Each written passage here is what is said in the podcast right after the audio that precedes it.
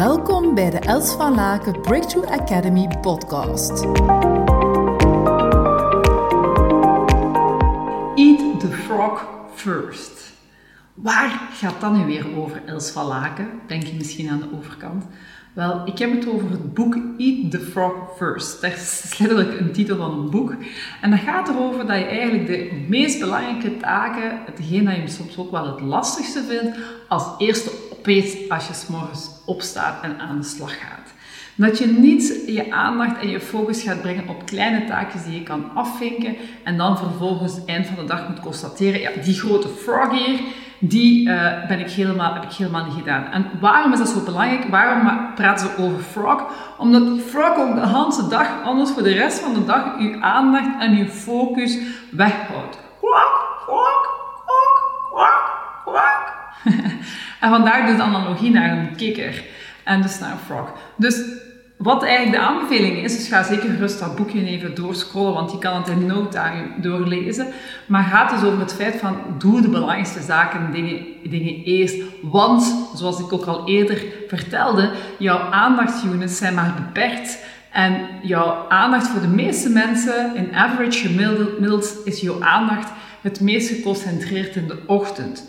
En dus dat is ook een reden waarom bijvoorbeeld Mel Robbins vertelt dat zij eigenlijk altijd om 6.30 uur van start gaat en ook altijd zorgt dat ze een bepaald iets dat ze graag wil dat hebben die dag afvinkt en dan pas bijvoorbeeld haar internet aanzet of uh, de, dus de kinderen wakker maakt en zo verder, omdat ze dan echt gewoon kan zeggen, hup, ik ben al voldaan, want ik heb hier al één van mijn frogs opgegeten.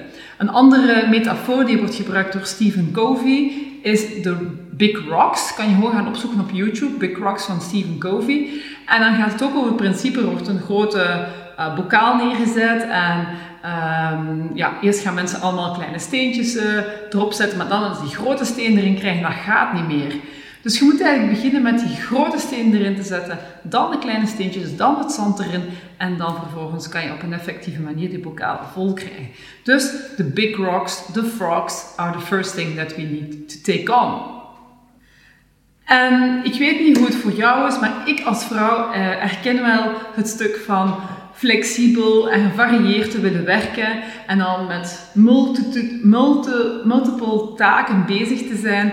En het gevoel te hebben van, ja, ik ben goed bezig, want ik vink af, ik vink af, ik vink af. En dat geeft me ook een heel goed gevoel, want dan denk ik, wauw, kijk eens, dat heb ik allemaal gedaan.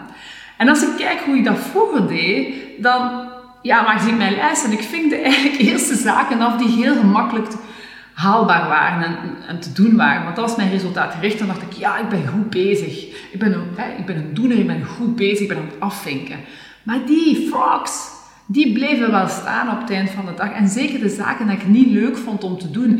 Ik herinner me nog heel goed in het begin van mijn carrière binnen, bij Danone, dat ik gewoon ja, analyses helemaal niet tof vond. Ik, laat, ik liet die altijd maar liggen en liggen en liggen. En daardoor gingen die frogs alleen maar luider en luider tegen mezelf praten. Dus het is essentieel om daarin echt een priorisatie te maken. Dus wat ik gewoon heel interessante vind voor jezelf om in te zetten, is echt P1, P2 of frog 1, frog 2, whatever. Maar dat je echt zegt 1, 2, 3 en dat je niet aan 3 begint vooraleer dat je 1 ook af is. En dat je niet gewoon een bullet point lijst maakt van je to-do's of van de dingen die je wilt neerzetten en dan vrijwillig begint te schrappen. Nee, je gaat echt gaan prioriseren wat is het belangrijkste en dat je daar ook als eerste mee aan de slag gaat. En dat je ook gewoon lekker een voldaan gevoel kan hebben van wat dat je hebt neergezet met, vol, met volle focus. Nu, uh, iets wat ik nog additioneel wil toevoegen, ik heb het eerder al gehad over die aandachtsunits, maar weet ook gewoon als je jouw aandacht verplaatst van de ene taak naar de andere, of het ene project naar de andere, of de ene priorisatie naar de andere, maar ook als je input krijgt of um, je gestoord wordt door jouw collega tussen haakjes, dan duurt het, uh, en dat is echt met onderzoek gedaan, 15 minuten tegen dat je terug geconcentreerd bezig bent met de taak waar je bezig was. Zeker als het een frog is. Dus zeker als het een big rock is. Dus het duurt 15 minuten tegen dat je terug geconcentreerd volledig erin zit.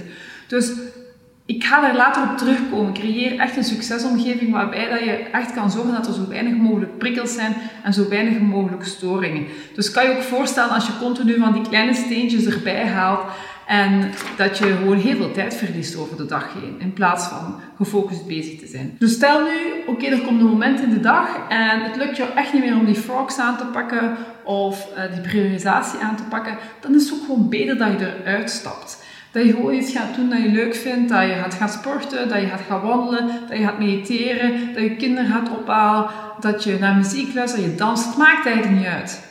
Maar de kans is heel groot als je dat gewoon een half uurtje, een uurtje aan een stuk doet, dat je daarna geconcentreerd weer kunt verder werken. Dat je terug je frogs kunt aanpakken. Ja, je frogs zijn waarschijnlijk dan al weggewerkt, na mijn tip natuurlijk. Maar dat je eigenlijk kan zeggen, ja kijk, ik ga weer verder. Dus ga jezelf ook niet forceren. Op een bepaald moment, ook voor mezelf, is dat zo, als ik mij niet meer kan focussen, dan wil ik dat soms toch nog forceren om het toch te doen, omdat ik dat bijvoorbeeld beloofd heb aan mijn team om dat af te werken.